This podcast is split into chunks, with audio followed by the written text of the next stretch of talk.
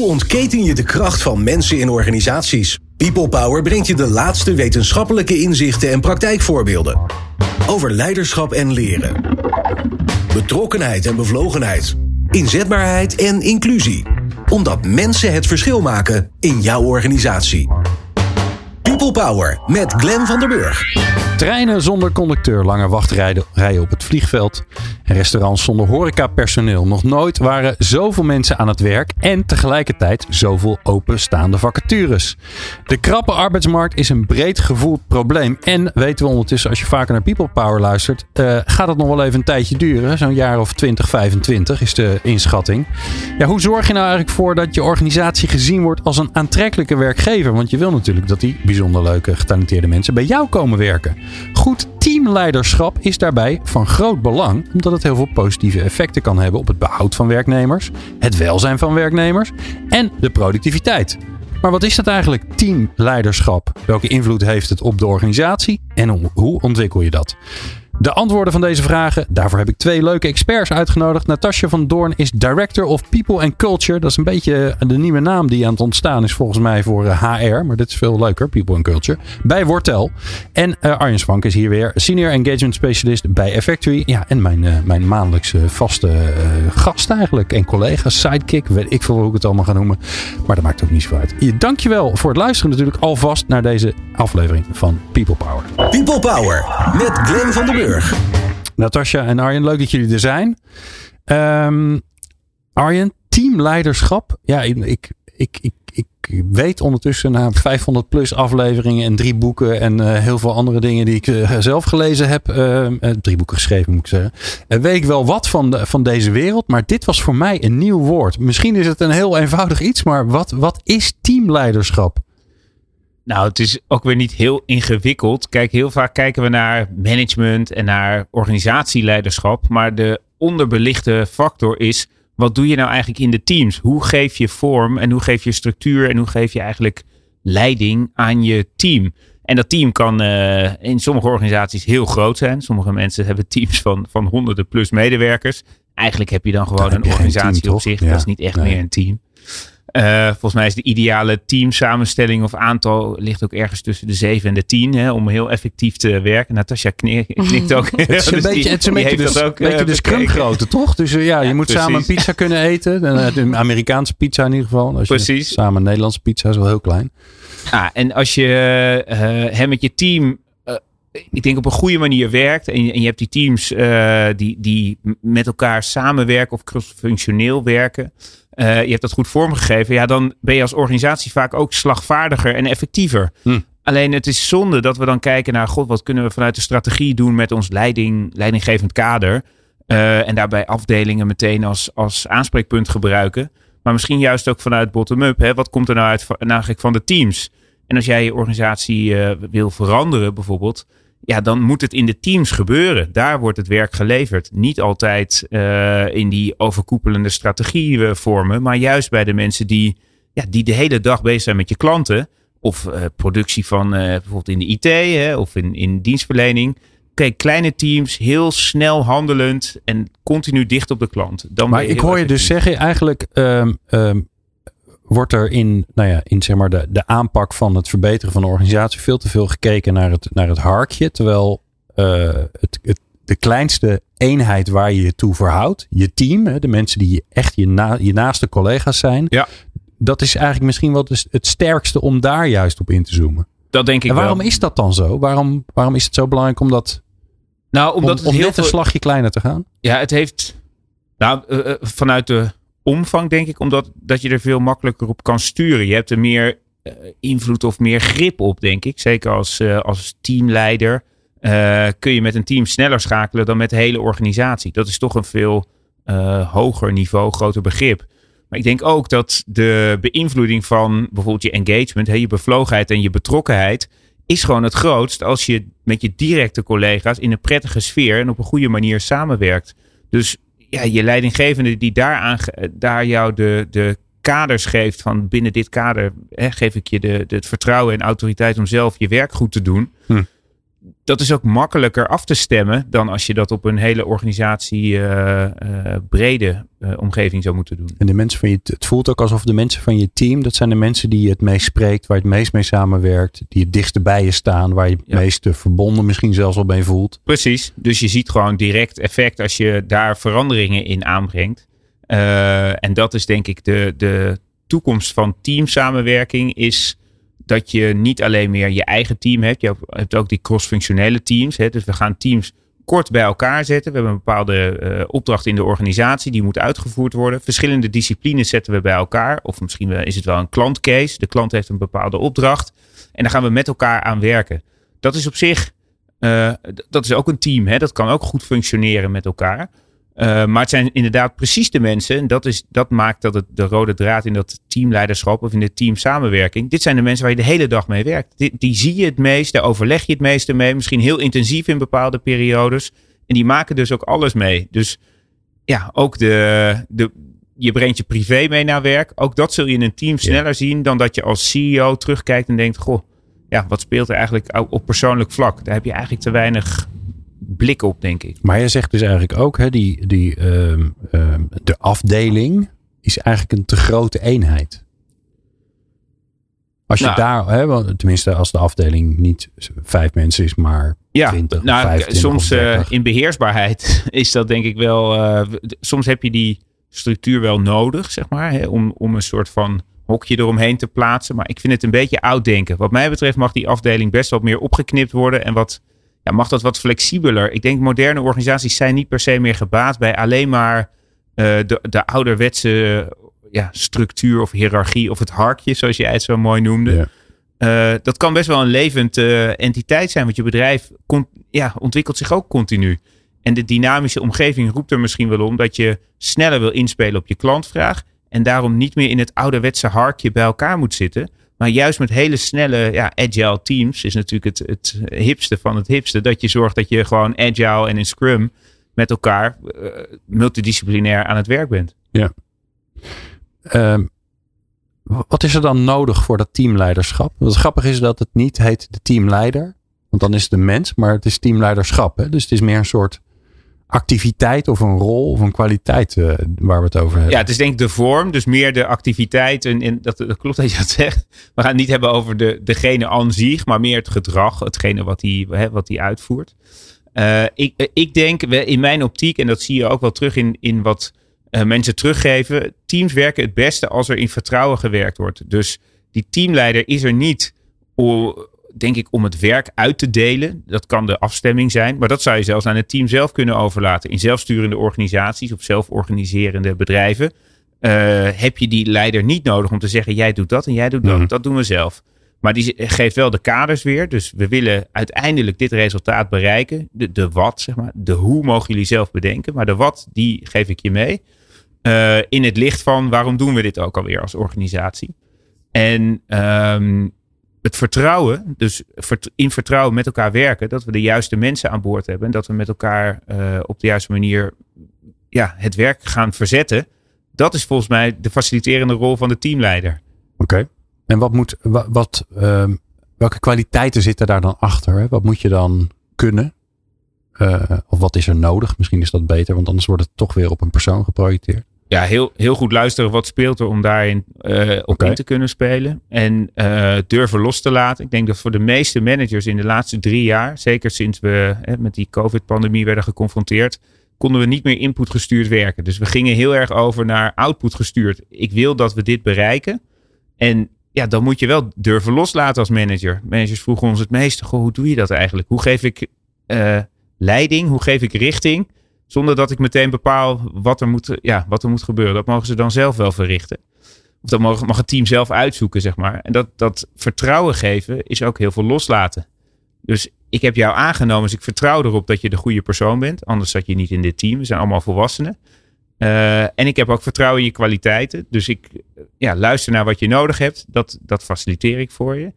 En ik denk dat je uh, ook de verantwoordelijkheid hebt voor nou, learning and development of voor het leren de, naar de toekomst. Okay, dus ontwikkeling van mensen. Ontwikkeling dus van mensen. Ja, dus nodig. ik help jou in je ontwikkeling. En waar ik aan zit te denken is, als je mensen laat samenwerken, ontstaat er vanzelf gedoe. Ehm, Soms wel. Ja, toch? ik zie Natasja ook al lachen. Ja, dat gebeurt gewoon. En, en, uh, en dan ga ik nog iets onaardigs zeggen. Ik denk dat de gemiddelde mens niet volwassen genoeg is om dat zelf op te lossen. He, daar is vaak hulp bij nodig. Ja. Uh, kijk maar naar een gezin. He, dat is al ingewikkeld. Laat staan als je dat op het werk doet. Um, want uh, ja, iedereen heeft zijn scherpe kantjes. Daar zijn ze niet helemaal van bewust. Uh, die kom je wel tegen als je gaat samenwerken. Dat wordt niet uitgesproken. Nou, iedereen voelt al, herkent en voelt het waarschijnlijk al aan. Ligt daar ook een rol? Is dat ook een belangrijke rol van, die, van, die, van dat teamleiderschap om te zorgen dat dat een team zich in die zin ontwikkelt van oké, okay, nou, ik, ik snap waar jouw zwakte zit, hoe, hoe ik daarmee omga. Uh, ja. We kunnen dat benoemen. Het is niet erg. Hè? Ja. Het is niet zo dat, ja. want vaak ligt er ook een soort, straks krijgen we ruzie met elkaar, dus we, we maken maar geen ruzie. Ja, nou ja, kijk, die fases moet je als team ook doorheen. En iedere verandering die je aanbrengt in je team, zul je weer een soort van die, die fases, daar is zo'n model voor. Hè? We gaan, ja. Ik zeg zo Forming. verkeerde, verkeerde volgorde, maar het is forming. Norming. Storm, nee, storming, norming, storm, ja, nou, performing. Die, die. Uiteindelijk eindigt het bij performing. Ja, dus wel, dat nou, weten en performing teams, high performing teams, die zijn al die fasen doorheen gegaan. En ja, ga je wat veranderen, dan ga je in meer of mindere mate weer opnieuw daardoorheen. Dus je zal continu als, ja, als teamleider bewust moeten zijn van in welke fase zitten we nu.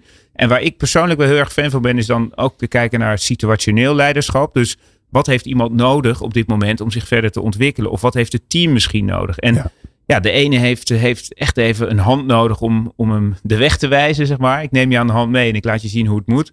En de andere zegt, joh, geef mij maar het vertrouwen. Ik kan dit al lang. Ik doe dit gewoon. Eén keer in de zoveel tijd checken we wel in en dan kunnen we verder.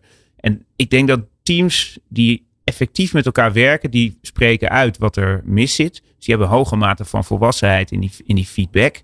En die durven dat ook met elkaar te bespreken. En dan ben je faciliterend als leider. Je hoeft Ja. dat niet op te roepen. Als je maar zorgt dat je het met elkaar bespreekt, dan kan je er zelf uit, tussenuit stappen, zeg maar. En de ouderwe, ouderwetse, in mijn ogen, eh, vorm van leiding geven is dat op willen lossen of dat op te pakken. Maar dat is niet per se jouw rol. Als jij faciliteert, kunnen mensen dat prima zelf.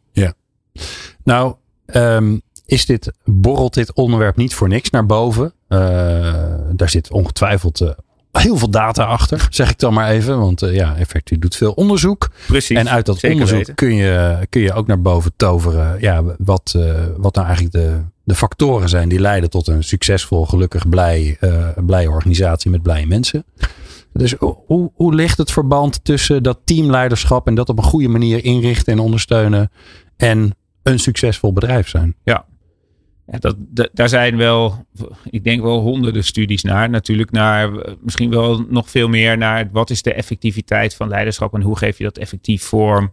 Eh, en waar heb je de meeste invloed. En daaruit zie je dat nu in de afgelopen tijd veel focus is gekomen op dat teamleiderschap. Omdat het helpt om organisaties meer duurzaam succesvol te maken. Dus de, de kaders worden gezet vanuit het, hè, de, eh, hè, de board of vanuit de directie of, of hoe je dat in je organisatie ook hebt ingericht. Ehm, om daarna veel meer op lager niveau, of ja, als je niet de harkjes voor je ziet, maar in andere niveaus, zeg maar de, in de teams, eh, effectief met elkaar toe te werken naar dat doel. Waar je het meeste terugziet in bijvoorbeeld het geven van vertrouwen, is dat mensen ook meer ehm, hun werkgever waarderen, omdat ze zelf ook vertrouwen hebben in de toekomst. Dus ze krijgen meer vertrouwen in de toekomst van de organisatie. Eh, ze leven meer mee in de missie en visie van de organisatie. Je kan ook het hele recruitmentproces veel meer bij het team neerleggen, in plaats van bij eh, ja, een meer overkoepelend orgaan. Dus recruitment doet het voorwerk en je team doet de uiteindelijke selectie en zegt deze past bij ons of niet. En op die manier is het, krijg je ook met je team veel meer gedaan. Dus de, de visie vanuit, eh, vanuit de, de verantwoordelijkheid meer bij het team past ook heel goed bij een duurzaam succesvolle organisatie naar de toekomst toe.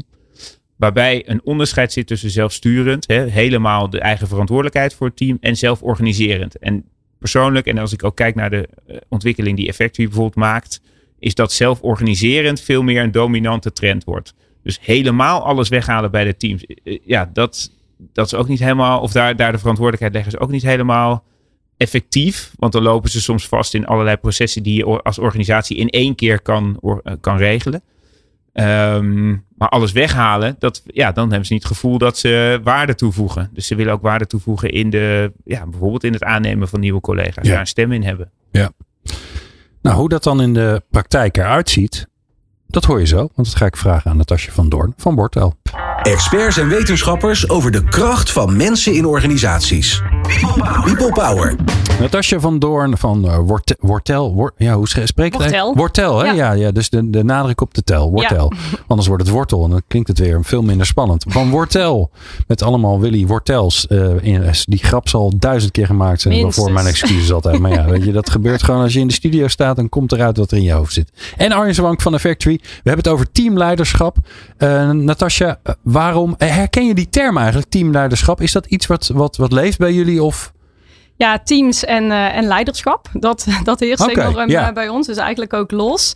En uh, als je kijkt inderdaad naar onze teams, dan zijn we steeds meer op zoek naar één leider per team. En vragen we natuurlijk ook om een stukje leiderschap uh, van onze mensen. Ja. Waarom is dat belangrijk? Bij die, die, hebben, je hebt net natuurlijk Arjen gehoord, die vanuit de breedte, vanuit al die organisaties die ze onderzoeken en hij ziet. Als je nou naar je, naar je eigen organisatie kijkt, waarom is dat, dat team, die, die kleinste eenheid nou zo belangrijk? Ja, voor ons is het uh, om, uh, omdat dat groepen mensen zijn met dezelfde kennis of passie, die echt inderdaad intensief met elkaar samenwerken en ook op een mooie manier kennis met elkaar delen en elkaar dus op die manier versterken. En op die manier kunnen we inderdaad ook veel meer werken aan standaardisatie, aan onze implementaties bij, bij klanten, dus, dus kennisuitwisseling. Anderzijds is het ook um, ter aanvulling wat er net gezegd werd, als het gaat om veranderingen en veranderingen die we doorvoeren in onze organisaties, of organisatie, dat het makkelijker is om dat in teams te laten landen en dan met teams aan de slag te gaan om zo'n verandering door te gaan. Ja, ja. En, en, dan, en dan ook daar uh, in dat team te kijken van wat betekent dit nou eigenlijk voor jullie en Precies. hoe ja, ja omdat Ja. het overal net weer, net weer anders is waarschijnlijk. Ja, en het ook per team echt goed uit te leggen. Omdat ieder team op een, of op een ander eh volwassenheidsniveau eh, werkt of acteert. Of met hele andere technologie of oplossingen bezig is. En op het moment dat je met een bepaalde verandering komt, kun je hem ook op die manier uit gaan leggen en vertalen naar het team. Wat die verandering dan daadwerkelijk voor, een, voor dat team betekent. Ja. En voor de individuen in het team. En wat heb je dan nodig om vervolgens die verandering door te gaan? Ja, nu zitten jullie in de IT, jullie doen de. Microsoft implementaties en zo. Nou, dat is allemaal prachtig en belangrijk natuurlijk. Ook natuurlijk enorm veel last van die arbeidsmarktkrapte. Dat kan bijna niet anders. Mhm. Of juist niet. Dan willen we natuurlijk helemaal weten hoe het zit.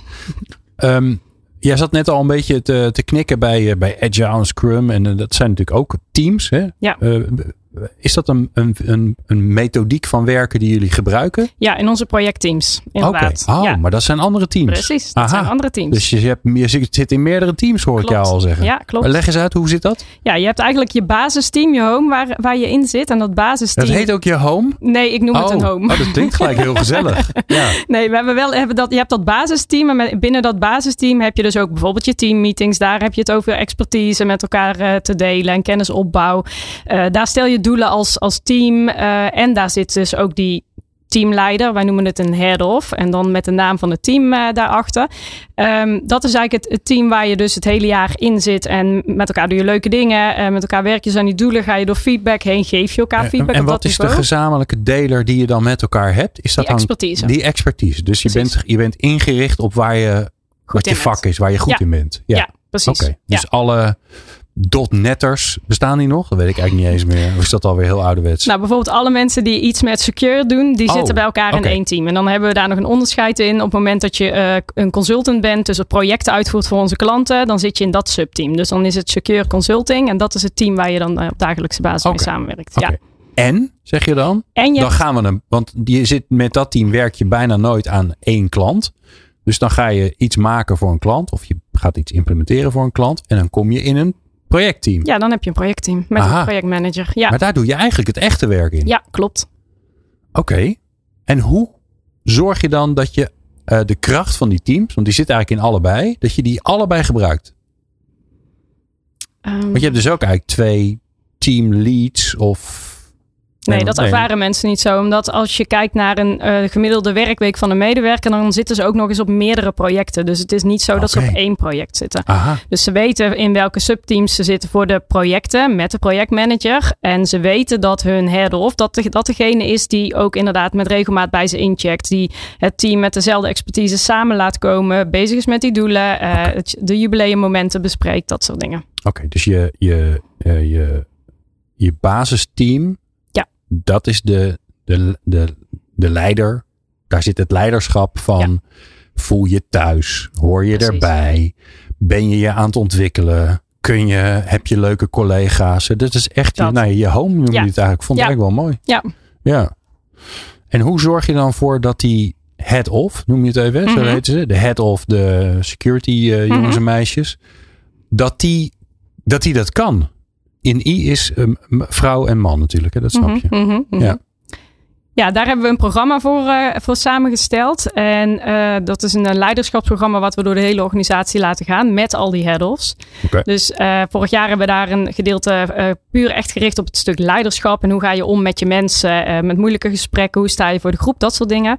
En dit jaar eh, is die groep uitgebreid en zij hebben ook het programma uitgebreid. En zijn we bezig met een stukje organisatiebewustzijn, eh, mensbewustzijn, teambewustzijn. En hoe ga je nu echt daadwerkelijk om met de verandering? En wat bedoel je dan met bewustzijn? Nou, het bewustzijn dat mensen begrijpen wat de impact is van een bepaalde keuze op de organisatie of op een team of op een individu. Dus als ik ervoor kies om als team een bepaalde koers te gaan varen, maar wat betekent dat dan voor de mensen? En daar gaan we ze bij helpen door of inspiratiesessies te geven of trainingen aan te bieden of eh, samen met elkaar intervisies daarover te hebben, zodat ze allemaal die bagage krijgen om dat op een goede manier te doen. En nou zit ik gelijk te denken, je zit dus in een team van Mhm. mensen die ongeveer hetzelfde vak hebben. Die, dus dezelfde specialisme, misschien is dat een beter woord. Daar zit een head-off op. Die moet daar ook verstand van hebben. Want anders snapt hij helemaal niet wat mensen aan het doen zijn. Of zeg je nee, dat moet iemand zijn die het leuk vindt om die mensen een stap verder te helpen. Dus Ja. daar kan ook gewoon een, iemand op zitten die echt geen flauw benul heeft wat eh, data eh, security gedoe is. Klopt, ja. We hebben een mengeling. En we hebben inderdaad collega's die supergoed begrijpen wat inderdaad de medewerkers in dat team eh, doen en wat die technologie inhoudt. Maar ik ben van mening dat het niet uit moet maken. Want je kijkt naar de mens, je kijkt naar de verandering en je kijkt wat je mensen en je team eh, wat ze nodig hebben. En dan maakt het niet zo heel veel uit eh, met welke technologie ze aan het werk zijn of wat precies de uitdaging is. Omdat we weer andere mensen in de organisatie hebben die ze daarbij ondersteunen als ze daarin vastlopen. Jij faciliteert. Oké. En wat, wat ehm, jullie zijn hiermee bezig. Mhm. Jullie doen het vast heel goed, want anders heeft, eh, Arjen, zou Arjen jullie niet uitgenodigd hebben. Dus dat, toch Arjen? Ja, absoluut. Oké, dus ze doen het goed. Wortel doet het goed. Nou, compliment. Hartstikke goed. Eh hebben ze die binnen. Ehm, wat, wat voor effect zie je daarvan? Hè, want ja, ik bedoel, IT is natuurlijk, hè, arbeidsmarkt is krap, IT-markt nog veel krapper. Wat voor positieve effecten heeft dit op het aantrekken van mensen, het behouden van mensen, nou al die dingen waar de gemiddelde organisatie een probleem heeft nu? Ja, wat ik nu vooral merk is dat er. eh, eh, ik was bijvoorbeeld vanochtend op kantoor en kon mijn auto eh, niet parkeren, omdat het dus hartstikke druk op kantoor was. Dus de effecten Is zijn. dat een goed teken? ja, dat is een supergoed Oh, teken. Ja, ja, want ik zou zeggen, die moeten bij de klant zitten, maar dat is dus niet Nee, zo. want maandag is vaak voor teams een kick-off of zijn, hebben ze hun teammeetings. Ja. Ehm, en dat was voorheen voornamelijk online. En nu ontmoeten ze elkaar dus in de kerk. Ons kantoor is een kerk, vandaar dat ik de kerk zeg. Ehm, dus de mensen zijn veel, hier, veel op, de, op de kantoren. Dus ik merk eh, veel eh, meer verbinding. Dat ook mensen elkaar zien. Dat ze ook veel meer met elkaar ondernemen. Dat ze ook met elkaar dingen, echt dingen beet gaan pakken als ze vastlopen in hun, eh, in hun werkzaamheden. Dus daar zie je weer eh, de duo's of de buddies ontstaan om, om dingen te gaan, te gaan verbeteren. Dat ervaar ik enorm. Ik er- ervaar ook een betrokkenheid in dat ehm, eh, mensen graag willen meedenken en heel graag willen laten weten wat er beter kan in de organisatie en daar ook een aandeel in, Oké. in nemen. Ja. En wat ik ook ervaar is dat ook heel veel initiatieven opgestart worden vanuit collega's. Die zeggen, hey, we vinden het leuk om dit met elkaar te gaan doen. En dat, daarmee dragen we een steentje bij aan. En dat zijn ook initiatieven die ik eh, veel zie ontstaan. Ja, eh, eh, en dan zeg ik even heel flauw, dat is al hartstikke mooi. Mhm. Merk je ook dat jullie, dat jullie mensen langer bij jullie blijven dan, nou ja, misschien gemiddeld is in de, in de industrie waar je in zit? Merk je ook dat jullie aantrekkelijk worden voor anderen, omdat die leuke collega's die allemaal aan het bubbelen zijn van de energie, dat dan weer aan anderen vertellen? Zie- Merk je daar ook effect van? Ja, ik merk dat laatste merk ik enorm inderdaad. Dat het wel als een olievlek werkt. Dus op het moment dat er dan inderdaad nieuwe collega's zijn, dat die weer andere collega's ook weer beter eh, binnen weten te halen door de ervaringen die ze inderdaad bij ons hebben. Eh, over het algemeen eh, is inderdaad het gemiddelde cijfer ook wel echt hoog dat medewerkers bij ons. We hebben inmiddels vieren we ook eh, jubilea van 15 en 20 jaar. Dat is voor ons best Wow. wel, best Ja. wel uniek.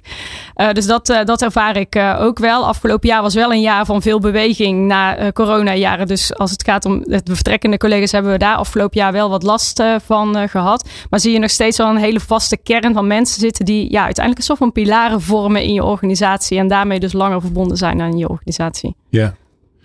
Wat is de, wat is de ontwikkelingsuitdaging die er, die er zit? Dus waar, waar is de ruimte?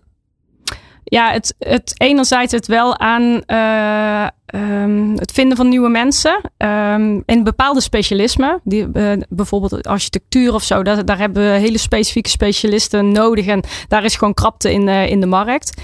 Um, en ja, de uitdaging is toch ook wel om toch nog steeds die elke keer weer leuke en goede dingen te bedenken, waardoor je die medewerkers blijft binden. Dus iets wat vorig jaar goed werkte, dat hoeft niet zo te zijn dat het dit jaar weer goed werkt. Dus je nee. zult je moeten blijven ontwikkelen, dingen moeten blijven bedenken. En nou, enerzijds we kijken naar de resultaten van het medewerker daar de juiste dingen uitpakken met je medewerkers. Om zo ervoor te zorgen dat ze inderdaad uh, verbonden blijven. Ja.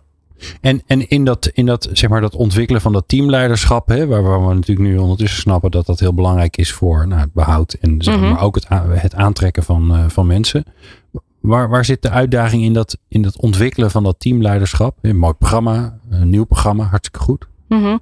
Nou, dat het, uh, dat iets is wat, wat echt alle, uh, in, in ons geval alle headers gaan oppakken. Dat er echt iets generieks in zit. Dat we allemaal wel een beetje dezelfde werkwijze met elkaar hebben. Uh, dat, dat is een belangrijk. En dat we daarin ook dezelfde processen volgen. En, en waarom is dat belangrijk? Want het klinkt als een soort eenheid dat ik denk, oeh, eenheid. Nou, nou, dat is meer mijn eigen binnen, afkeer. binnen die kaders vinden we het belangrijk dat uh, ze krijgen wel ruimte om binnen die kaders dat te doen, maar wel dat het enigszins op eenzelfde manier is. Dus niet dat uh, de, de ene collega uh, met zijn jubileum van tien jaar een reisje naar Zuid-Afrika krijgt en de andere collega krijgt helemaal niets of alleen ja, een fles champagne. Ja. Precies. Nee, dus dat, dat, dat we in dat soort dingen daar wel uniformiteit in hebben. En ook gewoon hoe ja, dat medewerkers daarin die gelijkheid ervaren dat het, dat, dat heerst in, uh, in onze organisatie. Dat ja, want jullie hebben natuurlijk ook dat je, als je met, hè, dit is het nadeel, misschien ook het voordeel, maar dat je cross-functionele teams hebt, projectmanager, consultant, hebben veranderen vaak meerdere klanten. Ja, dan, dan wordt dat een heel moeilijk uh, en, en mogelijk met een negatief effect uh, vergelijk op het moment dat je dan dus een andere aanpak kiest. Dus jouw persoonlijke stijl kan natuurlijk heel goed passen bij. Dat, dat moet authentiek zijn, anders geloven mensen het niet. De manier hoe je je team aanstuurt. Maar ik kan me voorstellen dat jullie bepaalde ideeën over standaardisatie, of in ieder geval iets van een, een, een kader hebben gezet. Van oké, zo willen we het in ieder geval inrichten. Omdat je anders verlies je natuurlijk dat, dat mensen inderdaad de ene keer een champagne krijgen waar iemand anders helemaal in de watten gelegd is.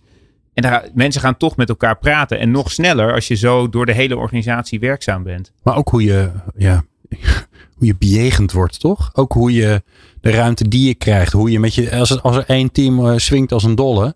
Ja. En je komt inderdaad in dat projectteam terecht. En je vertelt uh, wat je allemaal leuk als team aan het doen bent. En welke plannen je hebt. En uh, hoeveel ruimte er voor ideeën is en ontwikkeling. En die andere die denkt, nou, bij mij niet. Precies. Want dan krijg je ongelijkheid. En dat is natuurlijk ook heel gevaarlijk. Hè? Je, je, kan beter iedereen slecht behandelen dan maar een deel. Ja, dat klinkt onaardig. Uh, want als er ongelijkheid is, dat vinden we als mensen natuurlijk helemaal heel vervelend. Precies, ja. En, en dat zorgt je, voor een vertrekkende collega. Ja, ja. ja. ja. ja maar het is wel ingewikkeld. Want dan moet je wel heel scherp op zijn dat die, ja, dat, die, dat, die, dat, dat teamleiderschap, uh, nou niet hetzelfde, maar wel dezelfde intentie en hetzelfde gevoel een beetje met zich meedraagt. Ja. En daar, daar draagt dat programma aan bij, waarbij we met yeah. regelmaat samenkomen. En het meest sterke vind ik daar onze intervisies in. Waar dan ook een intervisie uh, gepland is met echt bijvoorbeeld iemand die, nou bijvoorbeeld vanuit mijn rol, uh, waarbij ik alleen maar kijk echt naar de mensen en de cultuur binnen onze organisatie. Nou, hoe pak je nou bepaalde dingen aan? Uh, nou, dan gaan we het ook alleen specifiek over die onderwerpen hebben die bij dat uh, stuk ook horen. Ja. En daar, ja, daar horen ze elkaars voorbeeld, daar inspireren ze elkaar en dat nemen ze vervolgens weer mee. En dat helpt wel om iedereen op een bepaald, in ieder geval een bepaalde mindset mee te geven, een bepaalde ja, level mee te geven. Oké, okay, maar dit is hoe wij het doen bij Wortel. Ja. Ja, en dat, er borrelt een ingewikkelde vraag bij me op, namelijk uh, dat teamleiderschap is heel belangrijk. Uh, een, een in ieder geval een, eenzelfde intentie en eenzelfde gevoel is belangrijk. Hè. Het mag een beetje anders zijn, maar het moet niet dat de een heel veel ruimte geeft en de ander is heel directief. Want dan, ja, dan gaat het vanzelf mis. Hè. Dan, dan, ja, dan krijg je dat, je dat je andere stromingen krijgt. Nou, stel je nou voor, en misschien heb je wel een ervaring mee, maar stel je voor dat, er, dat je merkt dat een teamleider, die is gewoon niet goed. Die zit niet op de goede plek, die is niet aan het doen waar die goed in is. En sterker nog, die is eigenlijk het tegenovergestelde aan het doen van wat jullie belangrijk vinden. Dus die, ja, die, is, die is directief, die is, uh, mm-hmm. uh, ja, ik kan, kan, het bijna niet bedenken omdat ik er totaal niet in geloof, merk ik zelf. Hè? Nou ja, alles wat je niet wil. Ja. Wat doe je dan? Ja, dan ga je het gesprek aan met die medewerker. Dus in dit geval met die head-off. En dat zal uh, zijn, dat begint met, uh, met feedback geven. En uh, daar waar nodig gaat daar coaching bij gezet worden. Ja. Als ook de medewerker daar absoluut voor open staat. Maar ja, dat, dat, dat begint ja. met feedback geven in ja. ieder geval. En aan de slag met een, verbeter, met een verbeterplan. Dus je, wat we in dat soort gevallen eigenlijk altijd doen is... nou, je geeft feedback en je vraagt van... hey, hoe gaan we dit aanpakken? Wat heb je nodig om vervolgens wel goed in die rol te komen? En dat kan enerzijds zijn dat, de mede, dat diegene zelf bedenkt van... oh ja, dit is wat ik nodig heb. En als diegene niet weet dan gaan we echt ondersteunen. Dan komt iemand bij of dan wordt er een coach bijgezet of wat dan op dat moment nodig is. Ja, en al die tijd ondertussen is dat team aan het leiden, zeg ik even onaardig. Nou, dat hoeft niet per se. We hebben bijvoorbeeld ook een performance coach in onze organisatie en die zetten we er dan tijdelijk bij. Dus dan is er oh, bijvoorbeeld een okay. teammeeting of wat dan ook. En dan zeggen we, hey, uh, wil je bij die meeting eens extra bij gaan zitten? Of we fluisteren hem dat in en dan, dan weet diegene ook, ik moet even mijn oren en ogen de komende periode extra openzetten voor uh, dit team of voor okay, deze medewerker. Dus een soort interne adviseur, coach, die coach, werkt gewoon ja. bij jullie. Ja. En die, en die wordt ingezet op de momenten ja. uh, uh, nou, dat jullie het belangrijk vinden. Of dat die uh, teamleider denkt van nou, ik kan wel een beetje hulp gebruiken. Precies. Slim. Ja. Ja, heel handig. Maar ik denk wel, nou tenminste, ik, hè, dus misschien wat kritisch over het profiel wat jij schetst, Glenn. Maar ja. de missie van Wortel is, tenminste vooralsnog, zolang ik het weet, we empower people.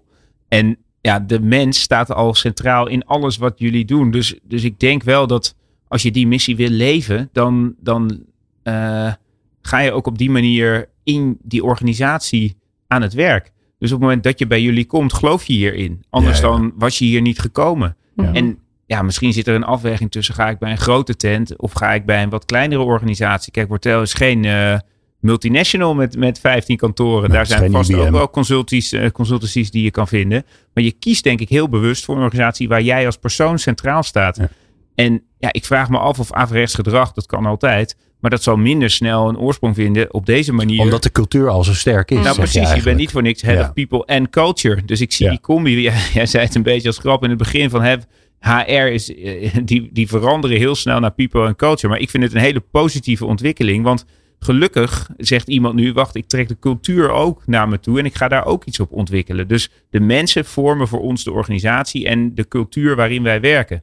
En ja, dan is ook een beetje de vraag: hoe is die persoon hier ooit binnengekomen, misschien toch? Als je zo, ja. uh, ik vraag me af of dat door het hele proces heen komt. Als, als je al deze ja, pijlers onder je organisatie hebt liggen. Ja, want dit heeft er, uh, zeg maar, dit, dit gevoel, het geloof in de mens. Uh, dat heeft altijd bij Wortel erin gezeten. Ja, altijd. Ik ja. weet niet beter. Ja. ja. Ja, dat is aan de ene kant onwijs mooi. Ja. He, dus voor jullie is dat heel mooi, want dat is een hele sterke cultuur. Voor de, ik kan me voorstellen dat de luisteraar denkt: ja, maar bij ons is dat niet zo. Maar we willen wel die kant op. En dat maakt het natuurlijk wel ingewikkelder. Ja, hoe dan? Ja, dat hoor je zo. Hoe ontketen je de kracht van mensen in organisaties? People Power. People Power. Natasja van Doorn van, uh, daar wil ik toch eigenlijk wel bij zeggen, Director of People and Culture. Dan gaan we een beetje ook de marketing doen van uh, die nieuwe term. Tenminste voor mij enigszins nieuw. Uh, bij Wortel en Arns Frank van de Factory bij elkaar. Um, ja, Natasja, bij jou even beginnen. Uh, ik, ik ben een beetje, ik probeer een beetje de skepsis in mijn hoofd uh, te organiseren om tegen jou te zeggen: ja, Natasja, maar jullie hebben die cultuur al en dat geloof in mensen en ruimte geven en ontwikkelen en, en, en uh, dichtbij organiseren en nou, al die dingen waar we het net over gehad hebben, dat hebben jullie al. Maar als je dat nou niet hebt in je, nog niet hebt in je organisatie, maar je wil wel die kant op, wat zou je mij dan adviseren? Een kleine nuance nog. Het is er wel, maar een cultuur verandert ook continu. We hebben te maken gehad met overnames andere landen. Een land als België. Oh. Ja, dan heb je met hele andere dingen te maken. Dus het is wel een cultuur die maar Jullie hebben een partij in België overgenomen. Ja, ja precies. Ja, en daar is de cultuur heel anders ja, dan in Nederland. Ja, en we hebben ook overnames in Nederland gehad. En ook daar zijn heel veel culturen samengekomen. Dus het, het, is, okay. het is wel zo dat er heel veel, als het gaat om kijkend naar de mens. En we vinden de mens het, het belangrijkste. En die staat centraal bij ons. Ja, dat is, staat al 25 jaar voorop. Alleen alles daaromheen en wat dat dan betekent en wat we daarvoor moeten doen, dat is iets wat continu mm. verandert. Dus ook voor ons. Dus het, ook wij moeten ieder jaar nog heel, heel hard ja. blijven werken om die cultuur uh, rechtop te laten staan. Ja, oh, mooi. Ja, mooie, mooie toevoeging. Uh, Oké, okay, nou België, hartstikke leuk. Leuk voorbeeld. Neem je een bedrijf over. Die uh, werken misschien op een totaal andere manier of enigszins op een andere manier. Hoe zorg je dan dat waar jullie in geloven daar ook terecht komt? Ja, dat is vooral uh, voor een land als België heel veel in, in samenspraak doen. Begrijpen hoe zij werken. Uitleggen hoe wij werken. En daarbij ook kijken. En daar heb, dat hebben wij tenminste gedaan. Gekeken van oké, hoe kunnen we het beste van beide werelden samenbrengen. Dus dat betekent in sommige gevallen dat we in Nederland dingen echt anders zijn gaan doen. En andere dingen zijn we uiteindelijk dus gaan implementeren in België. Om zo ook uh, dat. En dat helpt uiteindelijk weer om de culturen samen te brengen. En de mensen samen te brengen. Want we kunnen er uh, met onze bulldozer vanuit Nederland overheen gaan. Ja. maar dat is niet wat werkt. En daar daarmee houden we niet ook daar de mensen uh, verbonden aan de organisatie. Dus daar daar zoek je naar ja, het beste van beide werelden. Hmm. Oké, dus het, het, als ik het vertaal voor mezelf, hebben jullie tegen elkaar gezegd. Volgens mij hebben we iets van elkaar te leren en dat gaan we kijken wat dat is. Precies. Zonder te zeggen wat jullie vinden vanuit het grote ja. botte Nederland dat er zou motten. Oké, ja. Ja, precies. Interessant. Dat. Ja, ja. Ja, mooi. Um, um, dat, dat teamleiderschap, hè? als je daar nou meer, als je daar meer aandacht voor wil hebben in de organisatie. Uh, Arjen, hoe, hoe, zou je daar, hoe zou je daar stappen in kunnen gaan zetten? Zonder dat het gelijk weer gaat klinken als een soort van programma, want dat vind ik altijd een beetje eng. Ja, nee, dus begin met een programma. Dat lijkt me het belangrijkste. Nee, dat hoeft helemaal niet. Volgens mij is het uh, het, begint wel bovenin, even in de originele, traditionele organisatievorm, begint het bij je directie of bij degene uh, met de uitspraak: volgens mij kunnen wij, kunnen wij minder doen uh, vanuit ons. He, wij gaan de, de lijn uitzetten of we gaan de, de, de, de toekomst, de stip op de horizon duidelijk communiceren, continu blijven herhalen. Waarom doen we wat we doen en wat willen we bereiken met elkaar? En we zetten die stip steeds een beetje verder en daarom doen we de volgende zaken. Uh, en verleggen daarna naar de mensen die in de, de teams eigenlijk ja, de, de leiding zouden moeten nemen of kunnen nemen. Ja. Uh, want ik denk dat het belangrijkste is, en dat zie je in organisaties die traditioneel groeien door bijvoorbeeld uh, mensen te bevorderen tot manager. Daar zie je dat op een gegeven moment ontstaan er een soort waterhoofden van, van leidinggevend kader dus de mensen moeten het werk doen. Dat wordt via allerlei kleine radertjes doorgespeeld. Helemaal naar, uh, naar het niveau van, nou goed, de, de, de, de vloer, zeg maar, zoals het dan nog heet. Ja, en die, ik geloof er wel in dat je dat kan weghalen door te zeggen: oké, we gaan in een veel dynamischer teamstructuur werken. We gaan uh, af van ons hele middenkader, hè, ons leidinggevend kader, een head-off of een teamlead of iets dergelijks heeft denk ik ook een andere verantwoordelijkheid. Dus je kan zeggen, jij bent verantwoordelijk voor de output, voor het resultaat en voor de ontwikkeling van je mensen. En wat gaat daaraan ten grondslag liggen? Voor het grootste gedeelte zorgen dat die hun werk goed kunnen doen, dat die zich goed kunnen ontwikkelen en dat je het vertrouwen geeft, joh, jij gaat het voor ons doen. Dan heb je niet een soort instructieve manier nodig waarin je het steeds afvinkt, wat toch een beetje het middenkader steeds verzorgde. Ja. Controle op de input. En dan zeg ik even heel flauw. Hè? Um, uh, nu ben je uh, inderdaad uh, nou, vakgenoot van, van Natasja. Ben je ook, alleen je heet nog steeds HR-directeur. Dus je moet je naam nog eens een keer gaan veranderen. en dan denk je, ja, dat is te vroeg. Dat, dat ga ik nog niet voor elkaar krijgen. Daar hebben we nog niet de juiste directeur of CEO voor zitten. Maar ik wil daar eigenlijk wel mee aan de slag. Kun je ook, kun je ook zeggen ik pak een deeltje van de organisatie. Want er zit bij ons een, uh, weet ik veel, een business unit directeur. Mhm. of, en die, die gelooft erin of die snapt het wel. En daar gaan we stiekem, gaan we daar guerrilla-style gaan we daar beginnen. Is, eh, wat ik nu zie in de praktijk is dat de meeste organisaties met iedere organisatieverandering zo beginnen. Ja, dus dat ze zeggen, alles in één keer, nou, dat gaan we nooit, nooit redden. Dus we beginnen eigenlijk en dan laten we zien wat de waarde is. En dan groeien we de organisatie in. Een beetje vroeger was dat het olievlek-effect. Maar goed, olie gaat de wereld uit. Ja, dus dat duurt niet lang meer uh, dat we die metafoor kunnen gebruiken. Maar, ja. ja, dus langzaam uh, groeit het erin. En ik, er zijn zeker weten in iedere organisatie ambassadeurs. Zo'n business unit director die zegt top. Geef mij meer vertrouwen. Dan ga ik het met de teams die binnen mijn, uh, binnen mijn afdeling, binnen mijn business unit zitten. Ja. Um, maar ik denk ook dat je bij jezelf moet nadenken. Oké, gaan wij het nog wel redden? Uh, en dan heb ik het niet over een half jaar, maar naar de toekomst toe. Als we niet veel dynamischer gaan werken als organisatie. Als wij nog steeds onze organisatie uittekenen in een harkje met top, top level en, en een beetje tussenlaag en een onderlaag Gaan wij het dan nog wel redden met elkaar? Gaan wij, zijn wij nog dynamisch genoeg om in te spelen op de veranderende vraag van de markt? En je zag dat tijdens die coronapandemie, toen de vraag dus heel snel veranderde en klanten ook heel snel andere eisen kregen, dat heel veel organisaties snel ineens een verandering er wel doorheen kregen. Want wow, het was ineens business critical. En dat wordt, ja, heb je het dan al geprobeerd? Hè? Heb je het al gepilot? Ja, top. Dan kun je dan laten zien, dit werkte, dit niet. We hebben het geprobeerd binnen, deze, hè, binnen dit team. En dat gaan we nu uitrollen over het geheel. Ja. En heb je ook een paar eerste ervaringen. Werkt het wel of niet voor bepaalde klantgroepen bijvoorbeeld? Dus ik, ik geloof daar heel erg in. Stel je voor, Natasja, dat je met één team begint. Maak het even lekker klein en overzichtelijk. Iedereen is al hartstikke druk. Eén team. Acht mensen. Één team lead of een Ja, dat- coördinator. Of nou ja, dat heeft. Hè, meestal eh, voorkomen we ook dat we mensen dan managers noemen. Want dan moeten ze meer betaald krijgen volgens de CEO. Dus daar geven we dan weer een leuk ander, ander, ander titeltje aan. Eén zo'n eh, één zo'n team om eigenlijk op te experimenteren. Wat, wat, laten we eens met elkaar een, een plannetje bedenken. Wat we dan voor dat team zouden kunnen gaan doen om dat team beter te maken. Wat zou je erin stoppen? Ja, ik zou heel erg kijken naar eh, enerzijds de talenten van de mensen in het, eh, in het team. Oké. Eh, Dus dat scherp krijgen dat, überhaupt? ja, precies. Dat scherp krijgen. Ik zou ook heel snel buddies creëren in het team. Waarbij ze dus sneller van elkaar van ga- gaan leren. Vragen aan elkaar kunnen gaan stellen. En dus elkaar meenemen in de dingen die ze doen. Ja. Ehm, beginnen met feedback geven. Ehm, Oké. Al is het maar heel erg klein. Ehm eerst, eh, eerst de, we, hebben, we hebben dat omgedoopt naar tops en tips geven aan elkaar. Nou, begin Ja. eerst eens met tops. Dat je dingen gaat benoemen. En ook dat mensen leren om dat te ontvangen. Want dat is vaak ook nog een, eh, een kunst. Dat is wel mooi. Dus feedback leren geven. Beginnen met alleen maar positief. Ja. Dat vind ik slim bedacht. daarmee te beginnen. Dan, dan daarna die tips. Gewoon eens eh, Ja. in, in duo's. Ga dat eens met je buddy proberen. En ga dat ook dan vervolgens eens, eens uitbreiden.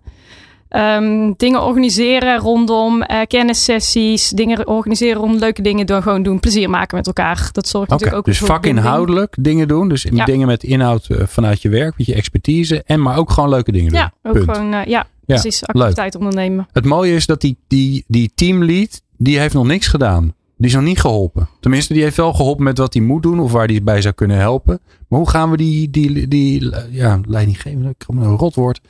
Eh, hoe gaan we die, die, die teamleider nou helpen? Ah, ik, ik ben het niet helemaal met je eens in dit geval. Want Natasja schetst wel iets wat, wat echt wel raakt aan dat vertrouwen wat we in het begin al benoemden. Die feedbackcultuur gaat alleen maar komen als je in vertrouwen met elkaar dit soort dingen kan bespreken. En dat is toch echt wel de rol van die teamlead. Dus dat wij dit open met elkaar kunnen bespreken als het eh, moeilijk wordt. Of gefaciliteerd door de teamlead. Ligt wel echt bij de verantwoordelijkheid van de lead. En je ziet dus ook. Nee, dat, nee eh, sorry, eens. Snap ik. Maar hoe gaan we die, diegene nou helpen om dat te kunnen? Want dat is best ingewikkeld. Dus wat, gaan we, wat, wat is onze handreiking naar die teamlead om die teamlead te helpen? hu- veel, veel hulp. Eh, bij jullie zit dat in de coaches, denk ik. Voor Ja, en vanuit. People and Culture. Dus bijvoorbeeld wat we nu aan het organiseren zijn. Deze maand zijn er een aantal sessies waarbij eh, die head of echt meegenomen wordt door eh, bijvoorbeeld iemand van recruitment. En dat noemen we dan een inspiratiesessie waar die uitgelegd wordt hoe de processen zijn, welk mandaat die heeft, wat er wel mag, niet mag. En dat doe je eigenlijk vanuit iedere laag in de organisatie, zodat die vaak heeft de medewerker namelijk wel het, eh, of de head of ook al ervaren hoe het gaat, maar niet vanuit die positie. Dus je gaat diegene meenemen. Oké, zo werken we op het gebied van eh, recruitment met elkaar. Dit is wat we van jou verwachten. Dit mag jij en, en dit niet. Hierbij heb je beslissingsbehoeftigheid over of, eh, of niet. Dat soort dingen eh, ga je doen. En- Kaders, dus duidelijk maken wat je speelveld. Precies, van alle mensen die dus eigenlijk faciliterend zijn aan het, aan het team. Ehm, en aan de andere kant, wat ik zou doen, is aan, echt aan de slag gaan met een soort van leerpaden in een learning and development systeem. Of wat je dan als organisatie ook gebruikt, waarbij ja, medewerkers ook heel veel inspiratie kunnen opdoen op hun manier, wat bij hun past. Ja. Of dat nu video's zijn, podcasts zijn, of dat is naar inderdaad een, een, een training eh, eh, volgen, Ja. maar wat bij die medewerker vervolgens past. Oké. Coaching hoorde ik wel zeggen. Ja, volgens Ja, mij maken jullie veel coach. gebruik van, Ja. voor, maar ook expertisecoach. En zeg maar gewoon mensen die vanuit hun professie met jou, jou scherper kunnen krijgen. Veel in Ja. je ontwikkeling kunnen helpen. Want Nou, ook- dat vond ik eerlijk gezegd een hele mooie van, van wat jullie doen, eh, Natasja. Omdat je, als je iemand zeg maar zelf ehm, eh, laat worstelen met eh, wat heb ik nou eigenlijk te verbeteren, is best wel ingewikkeld in je eentje. Dat is veel makkelijker om dat samen te doen. Zeker. Met je team kan je het natuurlijk doen. Je Ja. kan- Je kan bij je team feedback opvragen. Daar heb je ook leuke tools voor trouwens. Bij Factory. Ik ken er een paar. Dat geheel uh, terzijde. Uh, maar zeker ook zo'n coach, die, die helpt je natuurlijk gewoon door je vragen te stellen, waardoor, waardoor je gaat nadenken. En, en in je eentje nadenken is toch ingewikkelder dan met z'n tweeën. Ja, klopt. En daar helpen die buddies ook bij. Hè? Dus in, enerzijds inderdaad die performance coach die daar betrokken bij is. En waar wij ook veel gebruik van maken is gewoon een extern netwerk met ons, onze vaste coaches. Dus als we zien van oké, deze head of deze medewerker loopt vast op dit onderwerp, dan hebben we inmiddels genoeg in onze rugzak om te zeggen oké, ga eens met deze coach praten. En die kan Mooi. met jouw leerdoelen formuleren om aan de slag te gaan. Ik denk, Glenn, kijk, als je nou, nu terug redeneert, want ik, kijk even naar onze world-class workplaces. Dus de mensen die, hè, waarvan wordt gezegd, oké, jullie sta, steken er bovenuit. Uh, die hebben op een aantal aspecten hele hoge scores. Dat is uh, engagement, dat is op een NPS. Dus dan heb je het eigenlijk over, vind je je werk leuk en vind je de organisatie leuk waar je dat doet? Ben je loyaal aan die organisatie?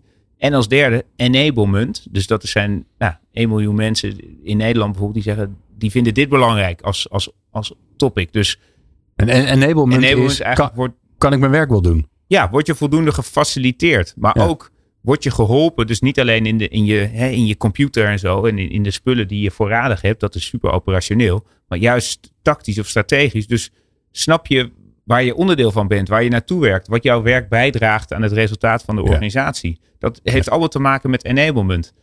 En dat heeft die teamleider natuurlijk als geen ander kan hij dat faciliteren. Dus engagement zit heel erg in hoe werken we met elkaar. In, in vinden we elkaar leuk en we, hebben we een leuk team. Nou, dat kan je in dat team faciliteren. Dus je ziet elkaar iedere dag daarin. Uh, hij, hij, of zij kan uh, laten zien wat die organisatie uh, voor jou kan betekenen. En, en, om je loyaliteit te vergroten, zeg maar. Dus ook naar het product toe. Of omdat je gelooft in de missie en de visie van de organisatie. Dus die vertaling.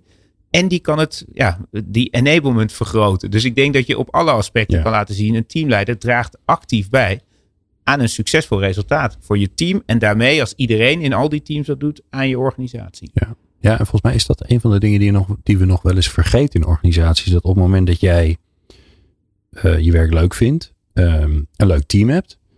Maar in je werk zijn er dingen die, uh, die eigenlijk voor, tegenhouden dat je je werk kunt doen. Bijvoorbeeld, um, IT is onderbezet en je, en, je, en je kunt gewoon dingen niet voor elkaar krijgen. Of die ene collega met die ene expertise, die heeft geen tijd voor je. Ja. Of HR heeft geen tijd voor je. Nou, zo bij Wortel natuurlijk nooit gebeuren. Maar, um, maar dat soort dingen die, waar je geen invloed hebt, maar die je wel in de weg staan dat je je doel kan bereiken, is enorm frustrerend volgens mij. En heeft ook heel, veel invloed op nou, stress en dergelijke, maar ook op je welbevinden op je werk. Ja, en andersom, op het moment dat je het goed voor elkaar hebt, dan zie je dus meteen de positieve aspecten in productiviteit, in klantrelatie, in hè, dus hoe mensen met hun klanten omgaan. Dus het is ook niet zo heel ingewikkeld eigenlijk, hè, meestal. We hoeven het wiel niet opnieuw nee, uit te nee, vinden. Nee, het is geen rocket science, dames en heren, maar het is wel... Soms is het belangrijk om even te benadrukken ja, waar, waar je misschien wat meer aandacht aan zou kunnen besteden. En ik denk dat we dat in ieder geval vandaag wel weer hebben gedaan. Met deze wijze woorden nemen we afscheid van Natasja van Doorn van Wortel. Uh, meer informatie daarover even googelen. Wortel met dubbel L. En uh, Arjen Swank natuurlijk van Factory. Dankjewel Arjen dat je er weer was.